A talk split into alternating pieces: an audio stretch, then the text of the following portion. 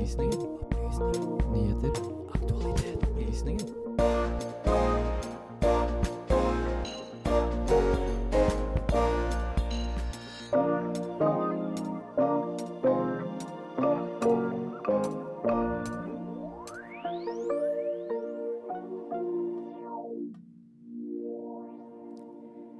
Går det mot en ny storkrig i Midtøsten? Mediebildet har den siste tiden bestått av flere politikerskandaler. Vi har tatt en titt på noen av de store skandalene, og vi stiller oss spørsmålet er det for store krav til politikerne våre. I år er det skuddår. Men hvorfor det, egentlig? Te eller ikke te, det er spørsmålet. Vi har med oss opplysningens egen teekspert her i studio.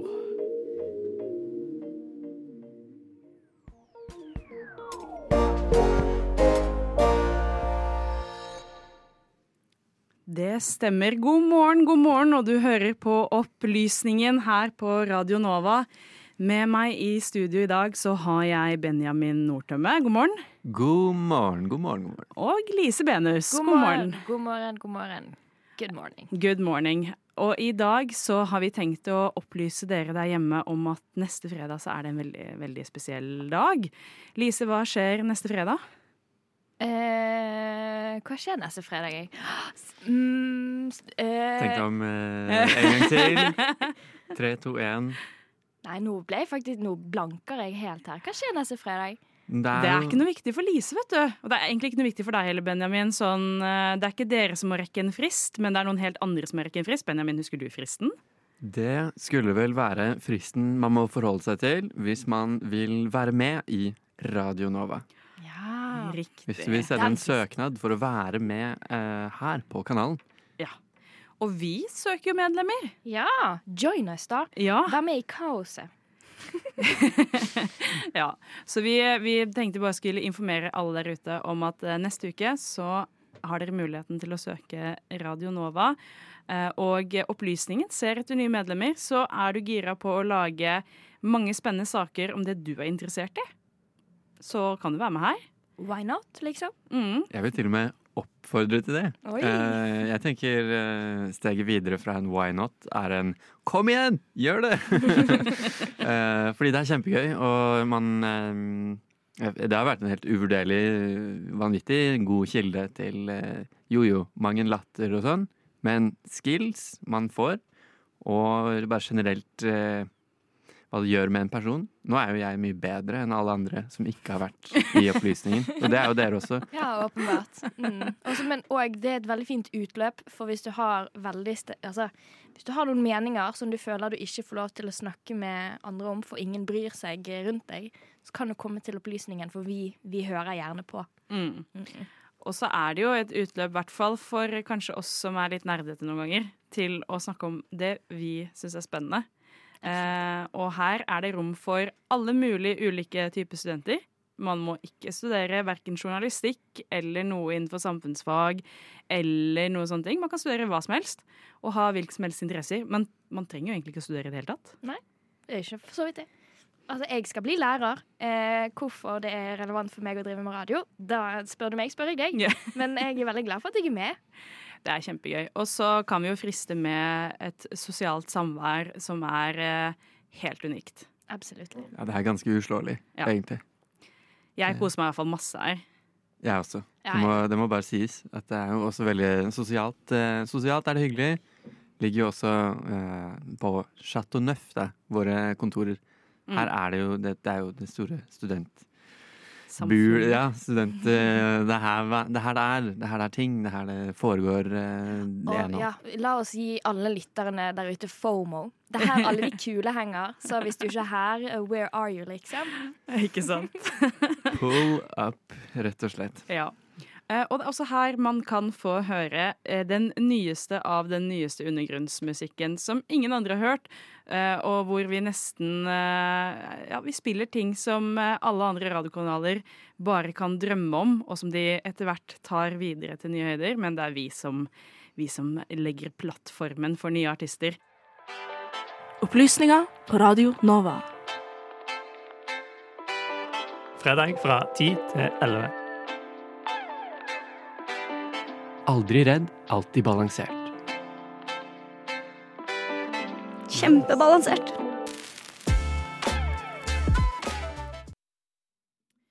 Yes, du hører på opplysningen her på Radio Nova. Eh, og mitt navn er Runa Årskog. Eh, hvis du kom inn akkurat nå, så vet du det. Og med meg så har jeg da Lise og Benjamin. Det har du. Det stemmer. Og eh, Benjamin, du har tatt for deg en ganske alvorlig sak. Noe som kanskje bekymrer mange. Eh, nemlig at vi er på vei mot en ny storkrig. Eller, eller Midtøsten, Eller er de, er de det? Mange, mange, mange tråder eh, i lufta. Eh, Midtøsten er eh, et eh, eh, ja, et veldig sånn løst definert begrep også. Men det er noe eh, som er i nyhetene eh, svært ofte, at det er urolig. At det er um, et og annet rakettangrep i en eller annen retning, og så er det en eh, ny gruppe å forholde seg til, og en ny ting. altså det, det skulle ha oversikt og skulle, og danne et sånt eh, Sånn eh, wow, eh, dy- dy- dypt em, og forståelig og eh, liksom Ja. Et, et bilde av Midtøstens politiske landskap, det tror jeg er en av de absolutt vanskeligste tingene det går an. Sånn ved siden av eh, Einsteins spesielle relativitetsteori og sånne skikkelig eh, klønete mm, matteproblemer og sånn, så er det noe av det virkelig vanskeligste kanskje på denne kloden. Um, men jeg har da tatt for meg spørsmålet om, om vi går mot en ny storkrig i Midtøsten. Det sies å være liksom et, et spørsmål mange har på leppene nå om dagen, fordi det er mye uro i mange forskjellige retninger. Da. Så blir det da spørsmålet å prøve å, å komme litt til bunns i. Er du eh, urolig, Lise? Um, personlig så er jeg ikke urolig, for det er, jeg har litt den tanken om at hvis det skulle ha vært en stor krig, så føler jeg det burde ha skjedd. At man har gått litt bort ifra det storkrigen Altså den storkrigen man så på begynnelsen av eh, Altså på begynnelsen av 1900-tallet, da. Sånn type første og andre verdenskrig. Fordi altså konsekvensen av krigen er ikke nødvendigvis mer givende enn hvis du ikke går til krig. Hvis det er mening. Hvis jeg sier det på riktig måte, så folk forstår meg. Forhåpentligvis. Det beroliger i hvert fall meg at eh, du ikke er så bekymra, for jeg kjenner at her jeg sitter, så jeg syns det er litt skummelt eh, hvilken vei vi går. Men eh, da skal vi få høre Benjamin sin analyse av dette, og kanskje den kan være med å berolige, eller være eh, ikke beroligende. Vi får se, da. Norges utenriksminister er bekymret for en storkrig i Midtøsten. Det var med disse ordene NRKs utenriksredaktør valgte å åpne sin kommentar, datert den 12. januar 2024. Siden den gang, på bare litt under to uker, har flere konfliktsoner rukket å bli enda litt varmere. I Irans grenseland har Hamenei-regimet utført nye rakettangrep. I vest på byen Erbil i det irakiske Kurdistan, og i øst mot sin andre nabo, et rakettangrep inne på pakistansk territorium. I Rødehavet utenfor Jemen foregår Operation Prosperity Guardian. En rakettutveksling mellom den iranstøttede Houthi-militsen og en internasjonal koalisjon ledet av USA. En kamp for kontroll over den maritime trafikken rundt den trange Adenbukta. Og angivelig er det Israel som står bak et rakettangrep på en bygning i Syrias hovedstad Damaskus, der det er bekreftet at fem iranske militære er drept. Slik ser det altså ut denne januaruken i 2024. Og avhengig av hvem du spør, får du litt ulike forklaringer på hva dette er for noe. Vi er trolig vitne til regionale spillover-effekter av krigen som foregår på Gazastripen, mellom Israel og Hamas. Fra Libanons territorium er det fortsatt knyttet stor spenning i om Hezbollah vil gjøre alvor av truslene de har kommet med om å invadere Israels nord. Intens rivalisering og diverse allianser virker å trekke Midtøsten-regionen i mange forskjellige retninger. I statsvitenskapen og militærteoriens verden har vi et ofte sitert ordtak fra Carl von Clausewitz om at krig er politikkens fortsettelse med andre midler. Og selv om du mangler en fullstendig oversikt over Midtøstens politiske landskap, så kan du tenke på to helt enkle ting. For å ville gå til et angrep, for å ta den beslutningen, kan det enten være at landet ser en såkalt gyllen mulighet til å gi fienden et preventivt nederlag, eller på den helt andre siden at det nåværende regimet i et land føler seg så truet at de går til angrep. Jo, Midtøsten som region er mer preget av væpnet konflikt enn andre steder på kloden. Vennlige naboer man kommer godt overens med, ja, det er mangelvare. Men for at det skal gi mening å eskalere en konflikt fra kald til varm, så må beslutningstagerne, hvor enn de sitter, også tenke at regnestykket skal gå opp til deres fordel. Det er akkurat her det kanskje finnes rom for å ta en pust i bakken. Noen ganger, i stedet for å eskalere konfliktnivået, så har man kanskje mer å tjene på en hestehandel. Det skaper ikke alltid like store overskrifter, men det foregår veldig mye diplomati forhandlinger og samtaler på bakrommet for å roe ned det generelle spenningsnivået i Midtøsten.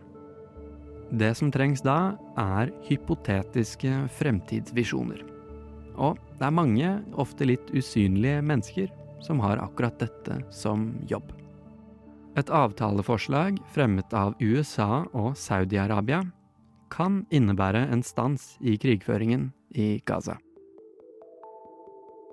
I bytte mot at Israel forplikter seg til en konkret plan for å godkjenne en palestinsk stat, så blir hestehandelen i så fall at Saudi-Arabia skal anerkjenne Israels eksistens.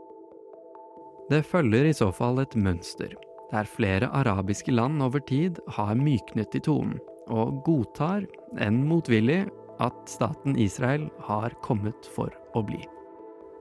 Utfordringene med akkurat denne avtalen er store. Diplomati er alltid en hårfin balansegang, og man kommer ikke alltid i mål der man ønsker. I en tid der USA har en mye lavere tilstedeværelse i Midtøsten enn før, så skal målet være å opprette en slags alliansestruktur som motvekt til Iran og iranskstøttede styrker. For Washington og andre så fortsetter det nå en søken etter likesinnede sikkerhetspartnere. Vi kan ikke si trygt hva fremtiden bringer. Men vi ser bl.a. et USA under Joe Bidens ledelse og vestlige ledere som lar pisken ligge, og prøver gulrotens vei for et roligere Midtøsten. Reporter i denne saken var Benjamin Nordtømme. Men eh, det kan vi ikke gå for mye inn på, for da blir det for stor politisk diskusjon. Og jeg skal tross alt prøve å være litt nøytral. Opplysningen. Vi tar opp alle de nyhetene, sakene og debattene andre overser. Aldri redd, alltid balansert.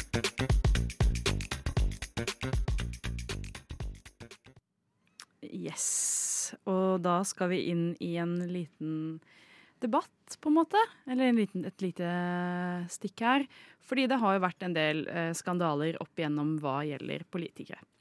Eh, og noen av de har vært ganske mye mer seriøse enn andre.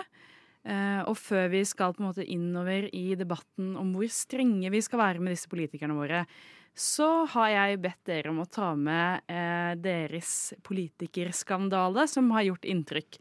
Og Lisa, har du lyst til å begynne med din? Ja, ja, ja. Det kan jeg. Um, beklager hvis jeg sier navnet feil. Um, men Sara Khan um, hun var stortingsrepresentant i årene 2005 til 2009. og var med i Arbeiderpartiet da. Og så i høsten 20, eh, 2008 så ble det avdekket at hun hadde ringt spåkoner gjennom eh, Altså på statens regning, da basically, for flere hundre tusen kroner. Eh, og da hadde hun blant annet snakket med disse spåkonene om stortingspolitikk, og om hun kom til å bli, gjenvalgt som stortingsrepresentant, og eh, om eh, Hva var det? FrPs oppslutning og litt sånne ting, da.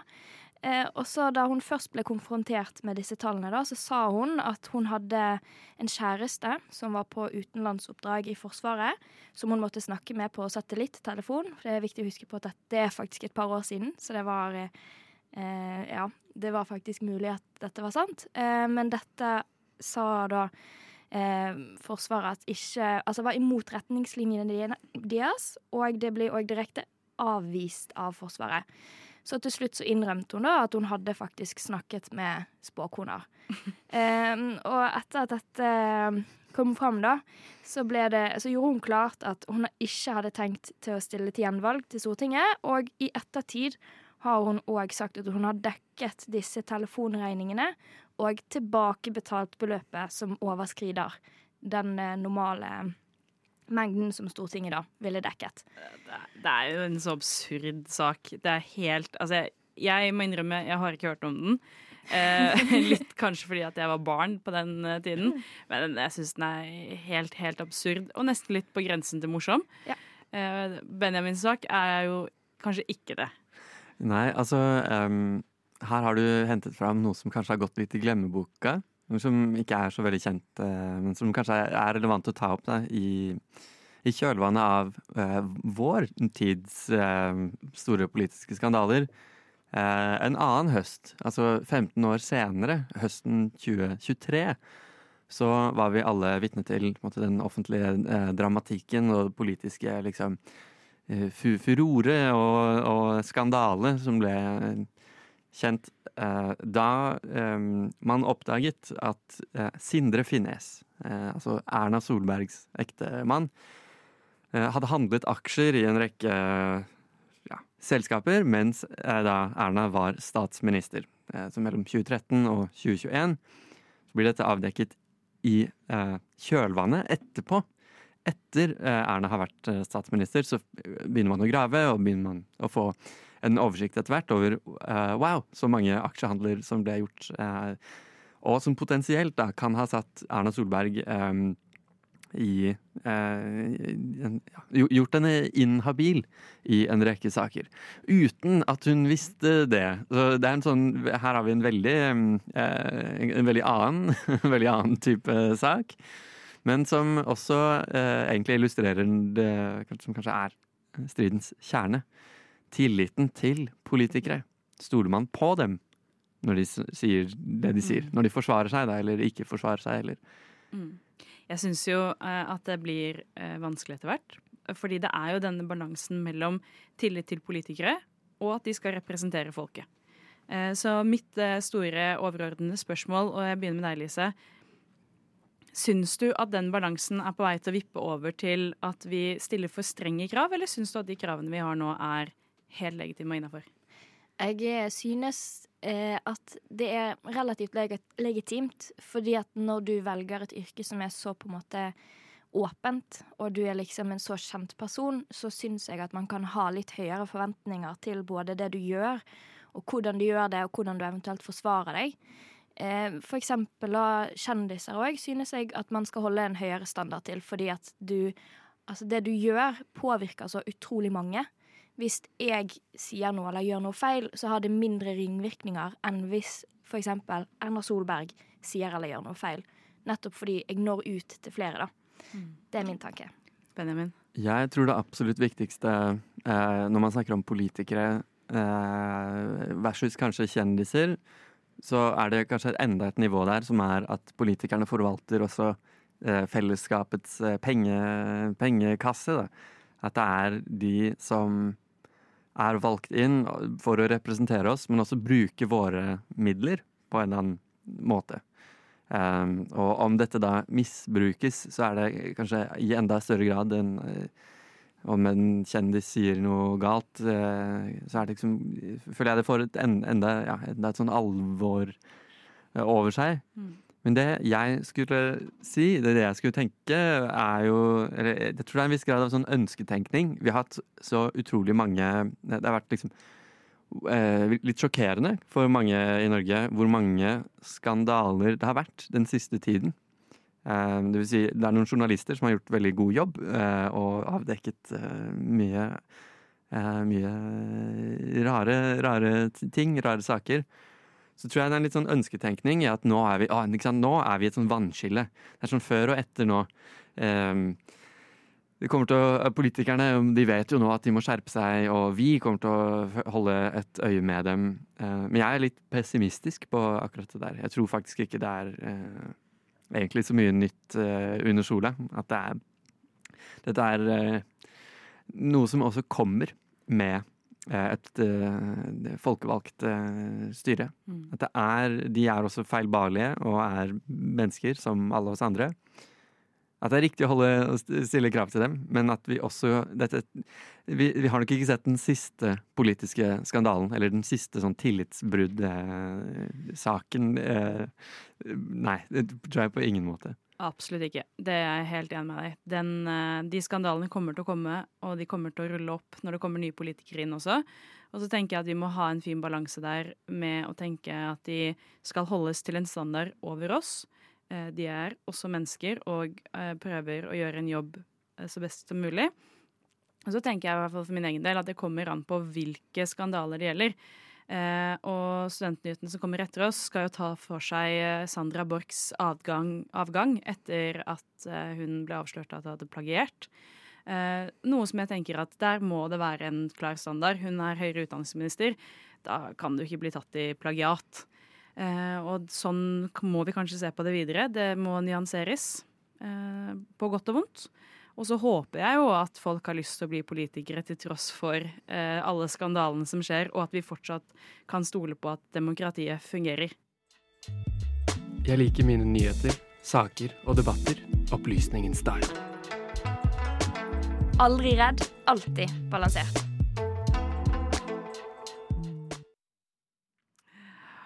I dag er en veldig spesiell dag fordi vår egen Benjamin har bursdag! Oi! Yes! Gratulerer med dagen, Benjamin. Tusen takk. Tusen takk. Oh, men uh, du er jo veldig heldig, fordi uh, du har bursdag på din dato hvert eneste år. Hvert eneste år, mm. så lenge jeg lever. Hele livet ut. Hele livet ut. Det er ikke noe eh, skuddår, for eksempel, å forholde seg til. Aha! For det er nemlig det vi skal inn på i den neste saken. Eh, hvorfor har vi egentlig skuddår, eh, og eh, hvordan fungerer kalenderen vår? Eh, vi skal ta det med på en liten tidsreise. Hva stiller jeg på nå? Det ble bare tull forrige gang. Ja, Men det må jo bli 30. november. Det var jo den datoen de kom fra. Jo, men Forrige gang vi dro dit, så stilte jeg på 11. desember. To ganger til og med. For det var jo da Karl 12. døde ved Fredriksten. Så hva stiller jeg på nå? 11. desember eller 30. november? Gutter, det er samme dato. Hæ? Samme dato? I Brødrene Dal og mysteriet om Karl 12.s gamasjer får brødrene et kvanteratt som tar dem tilbake i tid. Men da de reiser tilbake til datoen da Karl 12. ble skutt, og spør en svensk offiser hvilken tid de har kommet til, er svaret elleve dager feil. Hvordan? Jeg skal gi deg et hint. Det handler om kalendere og skuddår. Men for å få skikkelig svar, så har jeg fått låne Novas helt egne tidsmaskin. Så hold deg fast, for nå drar vi. Oi, hvor er vi kommet hen nå? Uh, vent. Å, oh, der er det noen. Uh, unnskyld, uh, kan du fortelle meg hvor vi er og hvilken dato det er? Ja, uh, dette er Roma, og datoen det er 1. mars. Å, oh, selvfølgelig tok tidsmaskinen oss hit. Mars i det romerske imperium var den første måneden. Romerne feiret da vårhjemdøgn, eller nyttår. På den tiden fulgte de Romulus kalender. Kalenderåret besto av 304 døgn, fordelt på ti måneder. Og nå tenker du kanskje gikk jorda så fort rundt sola for bare noen tusen år siden? Og svaret er jo ganske enkelt nei. Romulus kalender gikk nemlig 61 dager for fort. Hvem er det du snakker til, egentlig? Eh, eh, ikke tenk på det. Men du, jeg er på vei bort for å høre Gaias Julius sin tale. Har du lyst til å være med? Hvem er det? Julius Cæsar. Å ja, gjerne! Altså, vi beveger oss nå mot en stor, åpen plass midt i Roma. Her skal Julius Cæsar tale. Og tar jeg ikke mye feil, så har vi kommet til det året han endret kalenderen fullstendig. Og til dere som er fra vår tid, så betyr det at vi nå befinner oss i år 46 før vår tidsregning. Det er meg en stor ære å kunne legge frem en helt ny kalender for mitt imperium. Vi skal ikke lenger ha ti måneder, men tolv. Før mars innfører jeg månedene januar og februar. Året vil nå vare i 365 dager. Jeg, Cæsar, har regnet ut med min briljante hjerne og med minimal hjelp fra eksperter, så har jeg funnet ut at året består av 365,25 dager. Og nå blir dere sikkert bekymret. Hvordan skal vi leve en fjerdedels dag, tenker dere? Fortvil ikke. Deres o store leder har et svar. For hvert fjerde år skal vi ha en ekstra dag.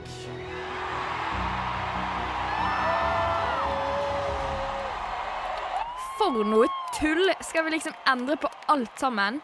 Hvilken dato er det i dag, da? Nei, æsj. Hadde ikke det vært for at det var diktatur i flere hundre år til, så hadde jeg aldri gått med på denne julianske kalenderen. Ja, det var nok ganske vanskelig å omstille et helt imperium de første årene. I dag blir det jo bråk bare man serverer vegetarmat på en mandag. Kan du tenke deg hvor vanskelig det ville vært om et demokrati skulle bytte en hel kalender? Eller, jeg skal slutte å tulle. For vi skal nemlig bevege oss 1600 år frem i tid. Til 1582. Vi står nå inne i St. Peterskirka, i hjertet av Vatikanstaten. Og der, innerst i rommet, ser vi at han sitter. Han, pave Gregor den 13. Vent, så går vi bort. Nei og nei. Dette stemmer jo ikke. Gud, så frustrerende. Hva er i veien? Det er denne julianske kalenderen vi har brukt i 1600 år nå. Den er jo feil. Feil? Ja, jeg har sittet med dette mattestykket i flere dager nå. Og kalenderen er 0,0078 dager lengre enn jorda faktisk bruker rundt sola. Ja, Men er det så farlig, da? Det høres jo ikke akkurat så mye ut. Er det så farlig, da? Ja, for det betyr at vi er nesten ti dager feil. Så istedenfor 10. mars, så skulle det vært 1. mars. Ja, så da? Nei, men herregud, da. Det blir jo feil. Matematisk feil. Og jo lenger tid, jo lenger unna den riktige datoen kommer vi. En gang mellom 1900 og 2100 vil det være 13 dager feil. Kan du tenke deg hvor sure folk vil bli når de finner ut at, er, at de er født i feil stjernetegn? Det vil jo bli en katastrofe! Det vil jo kanskje bli ganske kjipt for mange. Men hva foreslår du at vi gjør, da? Aha, ja, selvfølgelig. Vi sløyfer skuddår i årene som ikke er delelig med 400. Genialt! Jeg skjønner ingenting, jeg. Jo, nå skal du se. Det vil ifølge mine beregninger være skuddår i 1796, 1800 og 1804. Men i stedet for å gjøre det slik, så har vi ikke skuddår i år 1800. Fordi dette tallet kan ikke deles på 400. På den måten vil vi hoppe over noen skuddår der det skulle vært et skuddår hver gang det kommer et århundreskifte som ikke kan deles på 400. Og da vil vi ikke lenger være ti dager i forskjell? Det stemmer. Og det var denne justeringen Prave Gregor den 13. innførte i 1582. Da gikk flere katolske land over til den gregorianske kalenderen. Norge derimot byttet ikke fra den julianske til den gregorianske før 1700. Da sløyfet vi bort elleve dager mellom februar og mars. Slik at vi ikke lå foran i tid for resten av Europa. Men hva med Sverige? Og datomiksen brødrene Dal ikke forsto? Vi lar Roms forklare det hele for oss. Samme dato? Det kan ikke være samme dato. Det er jo elleve dager forskjell. Jo, men for svenskene så falt Karl den 12. 30. november, mens for nordmennene så falt den 11. desember. Tuller du, eller? Nei, det er sant. Altså, Svenskene brukte fremdeles den julianske kalender i 1718, mens Norge og Danmark allerede hadde gått over til den gregorianske i 1700. Altså elleve dagers forskjell. Hvorfor det? Jo, for den gregorianske kalender tok hensyn til skuddår. Svenskene gikk også over til den etter hvert, da. Sånn hang det hele sammen. Hvordan vi gikk fra den ene kalenderen til den andre. Og vi i dag har havnet med den gregorianske kalenderen, som både tar høyde for skuddår, og at skuddår ikke er helt perfekt. Men hvordan matematikken er, det får dere regne ut selv. For nå kan vi bare være glad for at det er skuddår i år, og at vi har en hel ekstra dag vi kan bruke til hva vi vil. Så kos dere med den da, folkens. Og så høres vi igjen snart. Lyd fra filmen 'Brødrene Dal og Karl 12.s gamasjer' er hentet fra NRK. Og eh, stemmene du hørte i denne saken, var Stian Henriksen, Lise Benus og Benjamin Nordtømme. Reporter i denne saken var Runa Årskog. Opplysningen på Radio Nova. Det stemmer. Det er eh, fortsatt opplysningen her på Radio Nova du lytter til. eh, Og det er fortsatt relativt morgen, kan man si. Jeg vet i hvert fall at jeg sitter fortsatt med kaffekoppen foran meg. Men det er jo ikke bare kaffe som eh, drikkes eh, på morgenen, og som inneholder koffein. Kanskje? Eller vi har jo med oss eh, opplysningens egen teekspert eh, Lise Benus. Jeg tror det er min favoritt-tittel som jeg har fått klart å få på meg. Det er ekspert. Og da, da lurer jeg egentlig på Kan jeg bytte ut kaffen med te? Kan jeg drikke det? Er det koffein der? Eh, ja, altså man kan jo bytte ut eh, kaffe med te hvis man ønsker det. Det er eh, faktisk koffein i te. Det blir gjerne kalt tein, men du kan like så godt kalle det koffein. Det eneste er at det er mye mindre koffein i te enn det er i kaffe. I, eh, altså det er jo selvfølgelig litt avhengig av um, Altså det er jo like stor variasjon i mengde koffein i te som det er i te i seg sjøl. Eh, men gjennomsnittlig, da, så sies det at en kopp med te, som er ca. 2 dl, inneholder mellom eh, 4 og 6 gram koffein. En gjennomsnittlig kopp med kaffe inneholder rundt en 50 gram med koffein. Så hvis du virkelig har lyst på en skikkelig opp, oppkvikkende kopp som du trenger litt sånn med en gang, så ville jeg kanskje gått for kaffen. Men det betyr ikke at man eh, ikke skal drikke te. Men betyr det da at man ikke bør drikke te på kvelden før man skal legge seg? Ja, for det er det mange tror, da. Altså, selvfølgelig kjenner man jo sin egen kropp best. Hvis du vet at jeg takler ikke å drikke koffein eh, før jeg legger meg, så ikke gjør det. Men te har òg et tilleggsstoff, i motsetning til kaffe, som heter for eh, teofilin. Som da er på en måte motvirkende mot kaffe. Så du får ikke den energispiken da, som du gjør med koffe, eh, kaffe, øh, koffein i kaffe. det er sånn tungekrøll, nesten. Um, og den eh, teofil, teofilinen er mer avslappende, da. Både for hjernen og for muskulaturen. Så jeg kan faktisk anbefale å drikke en kopp med grønn te før man skal legge seg, fordi at det faktisk kan få deg til å slappe litt mer av. Må det, må det være grønn te? Eh, Det må ikke nødvendigvis være grønn te. Jeg bare personlig liker grønn te best. Eh, og det er òg gjerne den tetypen som har mer eh, sånn eh, teofilin i seg, da. Da har jeg et litt sånn oppfølgingsspørsmål, for det er noe jeg syns er veldig vanskelig. Eh, som er ikke jeg te-liker. Eller sånn, jeg liker te, men er ikke en fanatiker. Motsetning til meg. ja, eh, men eh, hvit, grønn, svart te, hva, hvorfor deler vi det? Altså, hva er forskjellen? Jeg skjønner ingenting. Forskjellen er jo egentlig i måten teen har blitt forberedt på. Så vi kan begynne med hvit te, som er den som er gjort minst med. For da har du bare tatt de ytterste skuddene gjerne av en teplante, og de ytterste bladene. To til tre blader. Eh, så har du tørket det, og that's it. Eh, den får gjerne et sånt hvitt sånn pelsbelegg utenpå. Eh, og har en veldig lett og floral smak. Eh, og derfor kalles den òg hvit te. Grønn te, da er den oksidert. Nei, det er den ikke. Det er det sort te som er. Beklager. Sort te er oksidert og tørket, og derfor òg har denne mørke fargen. Smaker gjerne mer sånn eh, jordaktig. Det grønn te er, det er dampet eller ristet. Eh, Som gjør at den eh, kan være litt grann oksidert, men gjerne ikke i det hele tatt. Og så har du på en måte hele spekteret mellom grønn te, ikke oksidert te, og sort te, 100% oksidert te. Og der har du det som heter oolong-te. Ah. Mm, så det kan være alt fra 20% til 80% oksidert. Så det er der man finner min favoritt Jeg kan ingenting om te.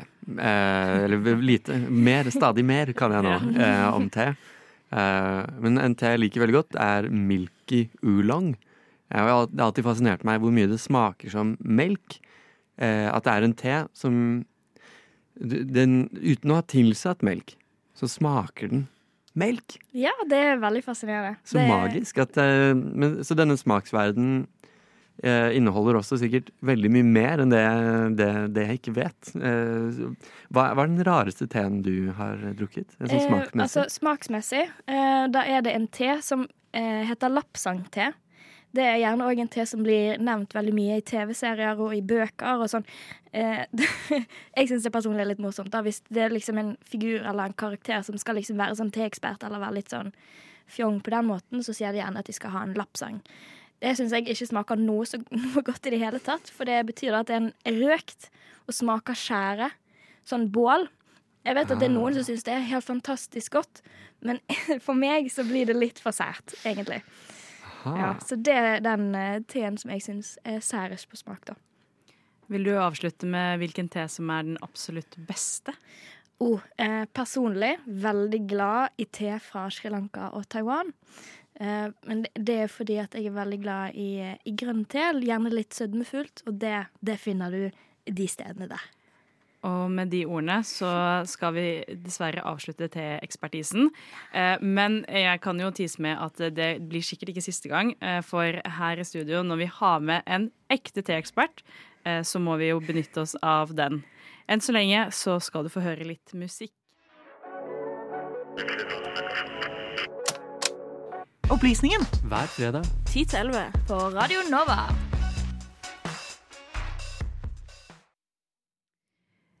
Det var eh, opplysningen du hører på, men snart ikke mer. for vi er ved veis ende, eh, og det betyr for i hvert fall for oss at det snart er helg. Ja, helg. Det som skjer eh, på slutten av hver eneste uke. Veldig deilig. I like it. Skuddår, ikke skuddår, spiller ingen rolle. Det er alltid helg. Det er alltid helg. Men du som har bursdag i dag, eh, Benjamin. eh, Er det helg det sekundet du går ut av studio nå? Ja, det er, ja, det er Ja. det faktisk. Jeg har ingenting, uh, ingenting sånn jeg må gjøre i dag. Å, Så det betyr da er det helg. Da er det helg. Mm. Jeg syns du fortjener det, Benjamin. Ja. Jeg syns også jeg fortjener det. Ja. Ja, det, syns jeg også. Skal det noe spennende da, Benjamin? Uh, nei, i første omgang tenkte jeg å se litt Brødrene Dal uh, når jeg kom hjem. Jeg fikk lyst til å gjøre det. Uh, nei, kanskje Jeg vet ikke. Jeg har litt sånn åpen Ingen konkrete planer. Bare liksom litt sånn deilig, da. åpen. Du da, Lise? Em, ja, jo. Skal jo alltids jobbe, jeg. Men uh, jeg skal gjøre noe litt gøyere før det. Jeg, uh, til, uh, til jul slash bursdag, for jeg har snart bursdag, em, så fikk jeg en kombinert gave av min kjæreste. Eh, Gaming-PC. Mhm, Den skal jeg hente i dag. Og så skal jeg laste ned Sims. Oh, gratulerer! Jeg lastet ned Sims før jul fordi jeg kjøpte meg ny PC. Oh, det er fantastisk. Elsker det. Ja. Verdens beste tidsfordriv. Eh, og med det så er det vel bare for meg å si at eh, medvirkende i denne sendingen, det har vært Benjamin Nordtømme og Runa Årskog. Og med meg i studio så har jeg hatt eh, Lise Benus. God og- helg!